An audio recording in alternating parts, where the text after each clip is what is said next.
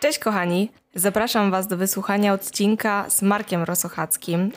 Będziemy rozmawiać o tym, jak wygląda nowoczesne cukiernictwo w Polsce, czym różni się praca w cukierni od pracy w restauracji oraz odrobinę o ulubionych smakach i teksturach Marka. Zapraszam do wysłuchania podcastu.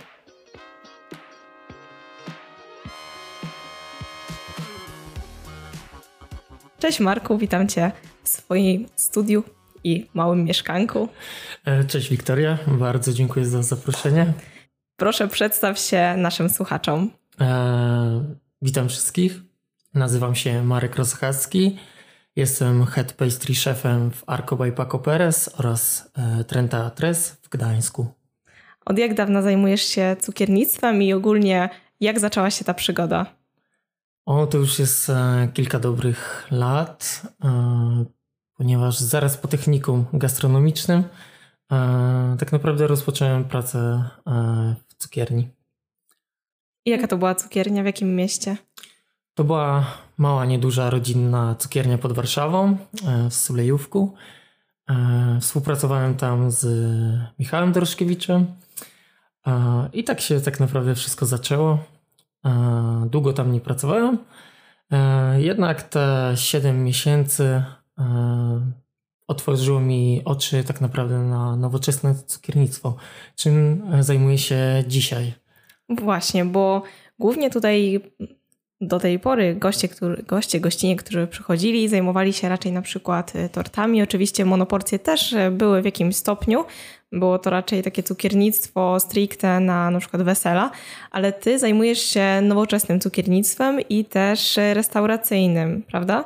Opowiesz coś na ten temat? Jak to wygląda? Jak jest, jaka jest różnica? Różnica jest ogromna, aczkolwiek są na pewno cechy wspólne. W cukierniach e, zajmujemy się E, produkcją e, cukierniczą i niezbyt mamy kontakt e, z klientem, chyba że mamy jakieś cukiernie otwarte albo jesteśmy właścicielami.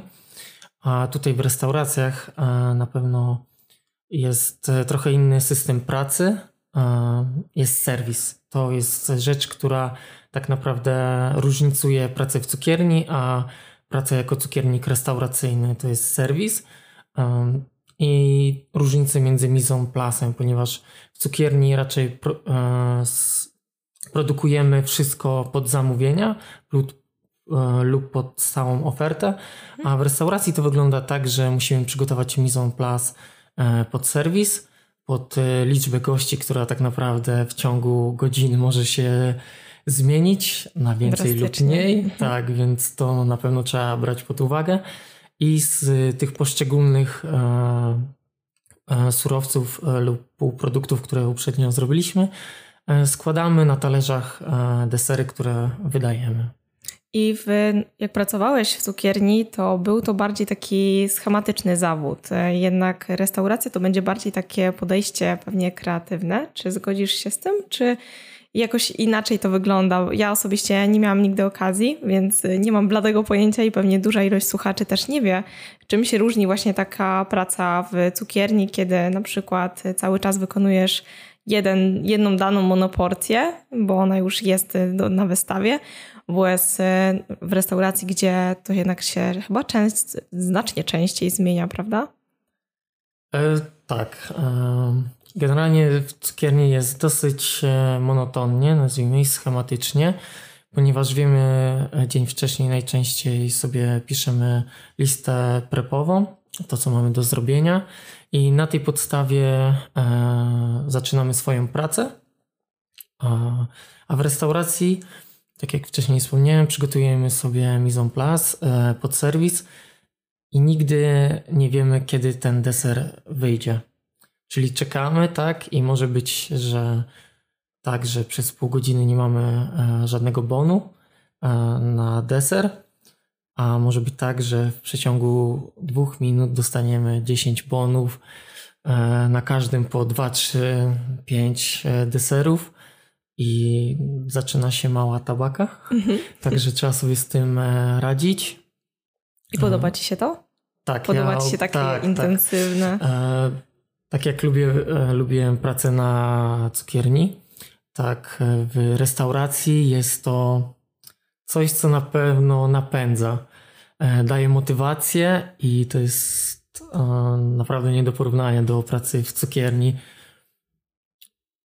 A jeśli chodzi o pracę w cukierni w porównaniu do restauracji, co ci się naj, najbardziej podobało? W cukierni. Um, to, że, że była taka, że był spokój, to też na pewno odróżnia, że pracowało się w szybkim tempie, ale w swoim tempie, że tworzyło się zupełnie inne e, produkty, tutaj desery talerzowe, a tutaj monoporcje, tarty, jakieś handmade, e, wszystkie trufle, pâte de free, e, torty, więc ja bardzo dobrze wspominam ten okres i daje taką może troszkę bardziej rutynę w życiu, taką stabilizację niż praca w restauracji. Są inne godziny pracy przede mhm. wszystkim. No, niektórym mogą odpowiadać e, późniejsze godziny, niektórym wcześniejsze. Tak, bo w cukiernictwie jednak wcześniejsze. Tak, zaczyna się dosyć wcześniej, aby przygotować wszystko na świeżo e, dla klientów, a w restauracji jednak te godziny są późniejsze. Zależy od restauracji oczywiście. E, my obecnie zaczynamy pracę około godziny 12, a kończymy kiedy ostatni gość zje deser. A w cukiernictwie, o której najwcześniej zdarzyło ci się wstać? Czwarta rano. O kurczę, no naprawdę. Tak, czwarta. Najczęściej na na, na szóstą, e, także mogłem sobie już o piątej wstać. Zależy, gdzie pracowałem i jak daleko tak. miałem e, do pracy. Powiedz mi, Marku, dlaczego cukiernictwo? No, to jest bardzo miłe pytanie, na które w sumie lubię odpowiadać, ponieważ tak naprawdę dlaczego zostałem cukiernikiem, e, pojawiło się w mojej głowie, w głowie pewnego dnia, kiedy już byłem e, profesjonalnym cukiernikiem. Tak naprawdę o tym nigdy nie myślałem, dlaczego wybrałem to. A tak naprawdę okazuje się, że to wszystko zawsze we mnie było. E, w techniku myślałem, że zostanę kucharzem i do tego dążyłem, że będę szefem kuchni i w tym kierunku się kierunkowałem. Jednak po techniku kiedy zacząłem screenstwo, to wszystko się narodziło na nowo. E, to jest może takie, e, wiele ludzi to mówi, że to są czasy dzieciństwa, ale u mnie tak było. Moja babcia, którą pozdrawiam oczywiście. Pozdrawiamy.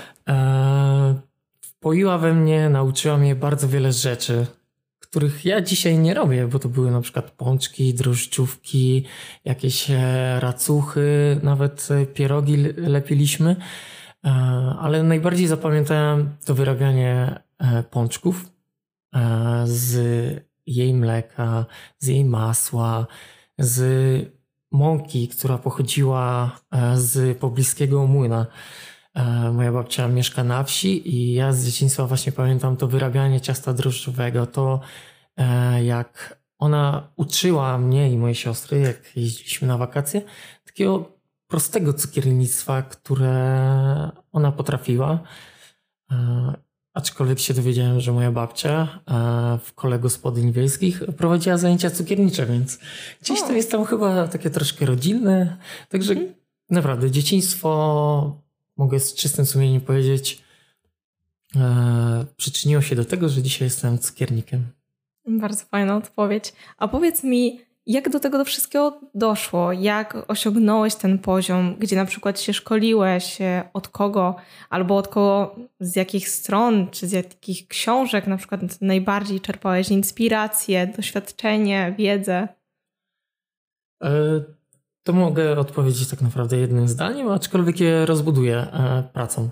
E, praca, tak naprawdę wszystko ciągnąłem dzięki pracy i logicznemu myśleniu, gdzieś tam nauce przez błędy, to jest najlepsza nauka. Mhm. E, no ale na pewno to, że w moim życiu tak życie mi pokierowało, że trafiałem do bardzo dobrych miejsc. I tam się nauczyłem dobrej pracy, ponieważ często można iść do świetnych miejsc, które z zewnątrz wyglądają świetnie, świetnie a w środku nie za bardzo się możemy nauczyć. Mhm. Ja zacząłem pracę, tak jak już wspomniałem, w małej rodzinnej cukierni. Natomiast później przeprowadziłem się tak naprawdę z dnia na dzień. Zrzuciłem życie pod Warszawą na życie w Gdańsku. Mhm. I rozpocząłem pracę w Umam Patissier. Teraz jest to E, umam, cukiernia gdańska u Krzysztofa Ilnickiego. I tam tak naprawdę już zacząłem stawać się dojrzałym, profesjonalnym cukiernikiem. Mhm. A największa realizacja, którą wspominasz? Z tego miejsca? Ogólnie. A może, może być też z tego miejsca, oczywiście. E, na pewno bardzo dobrze umam, wspominam. Dwa i pół roku naprawdę wpoiło we mnie bardzo dużo zasad E, technik pracy, czystości. E, był cudowny zespół, e, z którym mam kontakt do tej pory. To bardzo ważne. I każde kolejne miejsce czegoś mnie uczyło. Czy, czy krótka praca w Raffles europejski, czy taka szalona po prostu. Nie szkodzi. Ale wiesz, jak często to się zdarza, ja muszę to przypominać. Eee, mój chrześnik. Spoko, jak E, czy szalona praca w Atelier Amaro e, mhm. u Wojciecha Amaro, ponieważ to był okres e, krótko przed COVID-em, kiedy zacząłem tam pracę. Bardzo zawsze mnie restauracje z gwiazdkami kręciły. Zawsze wiedziałem, że kiedyś będę pracował, że zmienię tą pracę, na cukierni, na pracę jako cukiernik restauracyjny. I to było to miejsce. Bardzo dobrze wspominam, mieliśmy prześwietny team, ciężka praca, wiele godzin, bardzo żmudna praca e, i szalona, ponieważ zaraz e, wystąpił COVID i niestety wszystkie nasze marzenia, plany wszystkich, którzy tam e, pracowali, zostały przekreślone tak naprawdę w jednym momencie. I e, ja miałem to szczęście, że, że mogłem przenieść się na Forgotten Fields Farm pod Warszawę, e, którą prowadzi szef Wojciech. I tam realizowałem się z zupełnie innej strony, ponieważ prowadziliśmy farmę. Mhm. Ja byłem farmerem. Sadziłem, pieliłem. Tworzyliśmy nowe rośliny, które sobie z ziarenek wyhodowaliśmy zbieraliśmy plony, więc e, naprawdę robiłem zupełnie inną rzecz. To była chyba taka najbardziej szalona moja praca. I bardzo dobrze to wspominasz przy okazji. Tak, ogólnie wszystkie prace e, dobrze wspominam, bo miałem akurat to szczęście w życiu. A z jednych pracowałem lepiej, e, krócej lub dłużej. Mhm ale jednak z każdego to, co jest najważniejsze, że wyniosłem jakieś tak. e, nowe rzeczy, które mi pozwoliły się na pewno rozwijać. E, I dzisiaj jestem tam, gdzie jestem. A ogólnie w pracy, jako w cukiernictwie, każdej do tej pory, w której miałeś okazję być, czego najbardziej nie lubiłeś? Co najbardziej sprawiało ci jakąś trudność? Mm, to, że czegoś nie potrafię. Mhm. To było dla mnie najbardziej ciężkie, ale wiem, że dzięki temu, że powtarzałem coś wiele razy, analizowałem te błędy, które się pojawiały, e, duży problem miałem z eklerami. I to jest temat, który się dalej za mną ciągnie, e, ponieważ e, ciasto parzone jest bardzo fochliwe E, tak jak profiterole naprawdę doprowadza do perfekcji, czy Paris-Brest, to jednak ten kształt eklera ma coś w sobie, że nadal muszę nad tym pracować. To jest taka trudność, nad którą ciągle walczę. Mhm. A jeśli chodzi o widełki, widełki finansowe, pracowałeś w bardzo różnych e, miejscach mimo wszystko. Czy mógłbyś tak mniej więcej powiedzieć, e, jak to wygląda finansowo, zarobkowo, czy zawód cukiernika w tych e, właśnie, czy to cukierni, czy na przykład e, restauracji? Czy jest to opłacalne? Czy jest opłacalne? Myślę, że jeśli ktoś przetrwa okres początkowy, kiedy na komisa, czyli młodego cukiernika, dostaje się nieduże pieniądze, jest ambitny i samorealizuje się w międzyczasie, rozwija się, e, jeździ na szkolenia lub czyta książki i robi step by step progres, to może naprawdę dobrze e, zarabiać. E, jednak to jest ciężka praca, trzeba o tym pamiętać. Na początku zarabia się około 3-4 tysięcy. Ja zaczynałem niestety bliżej trzech, mhm. a nawet e, i mniej. W międzyczasie miałem studia, więc naprawdę ciężko to pogodzić. ale z wiekiem, kiedy ma się to doświadczenie, naprawdę wzrasta to. Tym bardziej, że e, te płace wzrastają, więc to też trzeba mieć e, na uwadze. I taką myślę, że dla słuchaczy ważną rzecz muszę powiedzieć, że zasada jest taka, że im lepsze miejsce, tym niekoniecznie lepsze pieniążki. I o tym należy pamiętać. Jeśli jest e, takie bardzo. Akurat to jest przykład z gwiazdek Michelin, gdzie, gdzie na świecie jest taka tendencja, że jeśli nie ty, to 100, 1000 osób na twoje miejsce. I mhm. ja wielokrotnie w swoim życiu się zgadzałem na mniejsze pieniądze, ale wiedziałem, że jestem w dobrym miejscu, to było te właściwe miejsce, skąd ja czerpałem wiedzę, naukę, więc trzeba też o tym myśleć, że jednak pieniądze nie są w życiu na początku w szczególności ważne.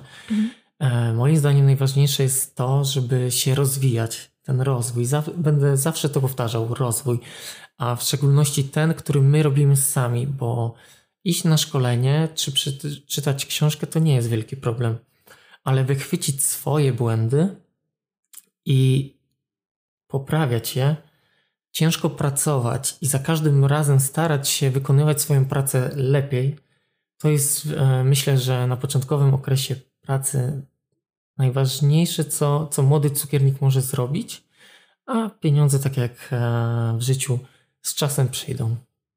Bardzo cenne rady. Właśnie chciałam zadać Ci takie pytanie o jedną najważniejszą rzecz, jaką chciałbyś tutaj podzielić się z naszymi dzisiejszymi słuchaczami, mm, co przez ten cały swój, całe swoje życie, doświadczenie e, wyciągnąłeś z pracy i co po prostu poradziłbyś, żeby na przykład osoby nie popełniały albo robiły to lepiej? Na pewno nie można się poddawać, bo mhm. ja wielokrotnie w życiu cukierniczym popełniałem większe lub mniejsze błędy, ale zawsze starałem się myśleć logicznie i wyciągać e, z przeszłości wnioski, na bazie których mogłem e, ratować czy półprodukt, czy surowiec, który przerabiałem. E, także myślę, że na pewno to myśleć logicznie, ciężko pracować, nie poddawać się, ponieważ każdy. Myślę, że to każdy w swojej karierze zawodowej przychodzi okres, e, w którym chce się poddać, nie widzi sensu tego. Ja też to przechodziłem. I to jest ciężkie. Fajnie mieć w tym okresie kogoś, kto, kto ci wspiera. E, dlatego team, moim zdaniem, jest bardzo ważną rzeczą i na pewno będę polecał e, wszystkim, aby nie trwoniły czasu na pracę z toksycznymi ludźmi, mhm. z takimi ludźmi, którzy nie wesprą cię. E, ja miałem to szczęście, większe lub mniejsze, bo na różnych ludzi na swojej drodze trafiałem. Jednak bardzo się cieszę, że, że w większości przypadków to były bardzo serdeczne osoby, e, dzięki którym e, mogłem poprawiać swoje błędy, wyciągać wnioski a potem to ja mogłem wspierać e, swoją prawą ręką kogoś, e, nauczyć czegoś e, nowego. Także myślę, że, że chyba to jest najważniejsze. Wsparcie przy okazji. Tak, tak. Powiedz mi, wiem, że lubisz podróżować w różnych miejscach świata. Jak postrzegasz polskie cukiernictwo właśnie na tle tych miejsc, w których miałeś okazję być? Tym roku, który jest bardzo szalony zresztą dla mnie, bardzo dużo się dzieje. Bardzo dużo też podróżowałem. I naprawdę z czystym sumieniem mogę powiedzieć, że polskie cukiernictwo jest na świetnym poziomie. Nie mamy się czego wstydzić naprawdę za granicą. I przebijamy e, poziomem e, kraje, o których byśmy nie pomyśleli, że, że możemy być od nich e, lepsi. Miejsca, które są tak naprawdę często kolebką gastronomiczną czy cukierniczą. Wiadomo, że każdy lubi co innego i każdy kraj ma inne produkty, jednak patrząc e, na całokształt, naprawdę mamy bardzo wysoki poziom i nie mamy czego się wstydzić. Mamy tak szeroki wachlarz cukiernictwa, od tego tradycyjnego, po nowoczesne, po, po słodkie bufety, po rzemieślnicze już czekoladziarnie e, czy lodziarnie. Mamy bardzo wyśmienity poziom e, polskich lodów i to jest naprawdę europejski poziom czy nowoczesnego cukiernictwa. Teraz mamy taki wielki ogrom e, cukierni, dobrych cukierni. Wszystko tak się pozmieniało. To już nie jest tak jak kiedyś, że cukiernie pracowały na prochach czy na jakiejś słabej jakości produktach. Oczywiście to się zdarza, zdarza ale jednak z tego, co ja doświadczam i znam te cukiernie, to widzę, że jest bardzo duży nacisk na jednak te produkty dobrej jakości, często slow foodowe.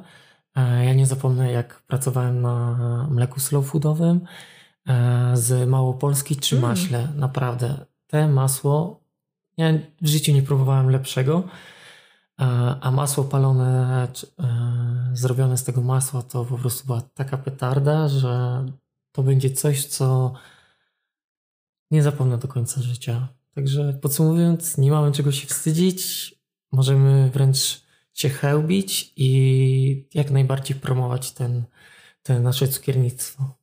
Wspaniale, że wspomniałeś właśnie o naszych e, wyrobach i o tym, co Ci najbardziej smakowało, bo kolejnym pytaniem miało być to, jakie jest Twoje ulubione miejsce tutaj u nas e, w Polsce całej, jaki jest ulubiony na przykład deser, czy monoporcja, czy nawet ciasto, cokolwiek, co tak dogłębnie zapamiętałeś i do jakiego miejsca lubisz wracać, albo kilku miejsc oczywiście możesz wymienić. Polecić jakieś fajne naszym e, słuchaczom. E, chyba takiego jednego miejsca to nie mam, ponieważ zawsze staram się szukać nowych miejsc. Mhm. E, często lubię chodzić do kawiarni, gdzie wbrew pozorom jest e, tradycyjne cukiernictwo. Lubię nasze tradycyjne produkty. Na pewno Karpatka jest jednym z moich fenomenów. Naprawdę uwielbiam ją i to jest mój smak dzieciństwa. Lubię pączki, aczkolwiek tego po mnie nie widać, bo jestem bardzo szczupłą osobą. Bardzo szczupłą osobą. tak, i wszyscy się dziwią, że ogólnie jestem cukiernikiem. Jak taka szczupła osoba może być cukiernikiem? A wracając do pytania, ja uwielbiam umam, ponieważ tam się tak naprawdę narodziłem cukiernikiem i to jest we mnie i ja nigdy tego nie wykluczę z siebie, także ja lubię tam wracać. Oczywiście wszystkie e, nowoczesne cukiernie też staram się odwiedzać, jeśli podróżuję po Polsce. E, na pewno się do Michała Doroszkiewicza w najbliższym czasie muszę wybrać. E, do Krakowa, do GTA. E, ale czy mam takie ulubione? To chyba, chyba nie. Mam nadzieję, że to będzie moje miejsce. To będzie twoje miejsce. Tak, że, że, będę, że to będzie mój drugi dom, z którym, e, gdzie będę mógł swoim konceptem się w przyszłości podzielić ze wszystkimi. Także myślę, że tak odpowiem. W takim razie porozmawiajmy o Twoich planach i marzeniach na najbliższy czas. E, moje marzenia są dosyć przyziemne, e, ponieważ chcę dalej podróżować, e, ponieważ podróże bardzo kształcą. Chcę jak najwięcej krajów na razie europejskich pozwiedzać, a później gdzieś, jeśli będą będzie mnie stać, no to wiadomo, że dalsze podróże, żeby też e, jakichś egzotycznych e, cukierniczych e, podbojów dokonać, e, to na pewno podróże. Myślę cały czas o swoim koncepcie. Jest ich w głowie co najmniej trzy dopracowanych, ale jak to u nas bywa, jestem młodą osobą, więc jeszcze trzeba odłożyć sobie, na spokojnie poukładać i miejmy nadzieję, że jeśli wszystko pójdzie w dobrą stronę, kiedyś spotkamy się u mnie w jednym, czy może w jednym z dwóch, trzech konceptów, które mam w głowie, a które myślę, że, że będą czymś, czego jeszcze troszkę nie ma. Będzie na pewno niszowe, mhm. będzie takim niespotykanym, i mam nadzieję, że, że kiedyś będę mógł e, zaskoczyć e, polskie cukiernictwo. Tak, całkowicie mnie zaintrygowałeś. Ja bardzo, bardzo czekam na zaproszenie. Mam nadzieję w przyszłości chętnie Oczywiście. odwiedzę Twoje miejsce. Trzymam kciuki za spełnienie wszystkich marzeń. I na końcu chciałam jeszcze zapytać e, o Twoje ulubione połączenie smakowe, bo często pytam o to swoich gości. Powiedz mi, co najbardziej Ci smakuje? Może jest to coś właśnie takiego unikalnego, niecodziennego? Ja ogólnie uwielbiam bardzo polskie produkty, e, w szczególności regionalne, ponieważ pochodzę z Solsztyna, jestem warmiakiem. Bardzo utożsamiam się z tym regionem i uwielbiam jagodę. Jagodę jest bardzo ciężko e, przyrządzić, podać, ponieważ po przerobieniu ona nie ma zbytnio charakterystycznego e, smaku. Jednak jeśli dobrze dobierze, dobierze się stosunek produktowy i produkty, które mogą wybić tą jagodę na zewnątrz, to, to jest to. Drugim produktem jest czerwona porzeczka, ponieważ to jest mój mm. smak dzieciństwa właśnie z Warmii, z, od drugiej babci. I ten zapach i aromat e, jest bardzo mi bliski i ja zawsze wspominam jezioro, molo i, i właśnie te czerwone porzeczki posadzone. Uwielbiam czarny bez i to pod e, każdą postacią e, i kwiaty i owoce, aczkolwiek chyba skłaniałbym się bardziej do, do kwiatów, które są może bardziej pospolite już dzisiaj, ponieważ są bardzo często używane, ale syrop na bazie tych kwiatów jest e, naprawdę, pachnie cudownie. Można go wykorzystać na przeróżne sposoby. Jarzębina. Jarzębina jest ciężkim e, surowcem, ponieważ jarzębinę możemy zebrać dopiero po pierwszych przymrozkach lub przed e, pierwszymi przymrozkami, jednak musi zostać przemrożona, ponieważ mhm. zawiera w sobie substancje, które nie są dla nas zdrowe, jeśli nie zostaną rozłożone właśnie przez proces mrożenia. E, I fajną anegdotą na temat e, e, jarzębiny jest to, że ma w sobie bardzo dużo substancji, które są naturalnymi konserwantami. Mhm. Morwa. Morwa biała i czarna, aczkolwiek chyba bym się skłaniał do, do czarnej. Jest E, delikatna, subtelna, e, jednak można na jej bazie zrobić bardzo fajne konfitury. I czy coś jeszcze? Czarny czosnek. Czarny o, czosnek, tak. Ciekawe. Aktualnie w restauracji Arco by Paco Perez mamy deser na bazie wanilii i czarnego czosnku. I to jest bardzo fenomenalne połączenie. I myślę, że po tym podcaście pojawi się, mam nadzieję, na rynku e, polskim, e, ponieważ naprawdę to, to jest produkt, który jest wszechstronny, wykorzystywany bardziej e, w kuchni. Jednak przy dobrym połączeniu można naprawdę super deser zrobić na tej podstawie. A chyba takim ostatnim już moim ulubionym produktem to jest bardzo iście pomorski. Rokitnik. Mhm. Z Rokitnikiem pierwsze spotkanie było bardzo fatalne. Nie polubiliśmy się, że tak chujmy, e, ponieważ e, Dlaczego? Rokitnik albo się kocha, albo nienawidzi. Mhm. Jestem z osób, które zmieniły zdanie na temat Rokitniku.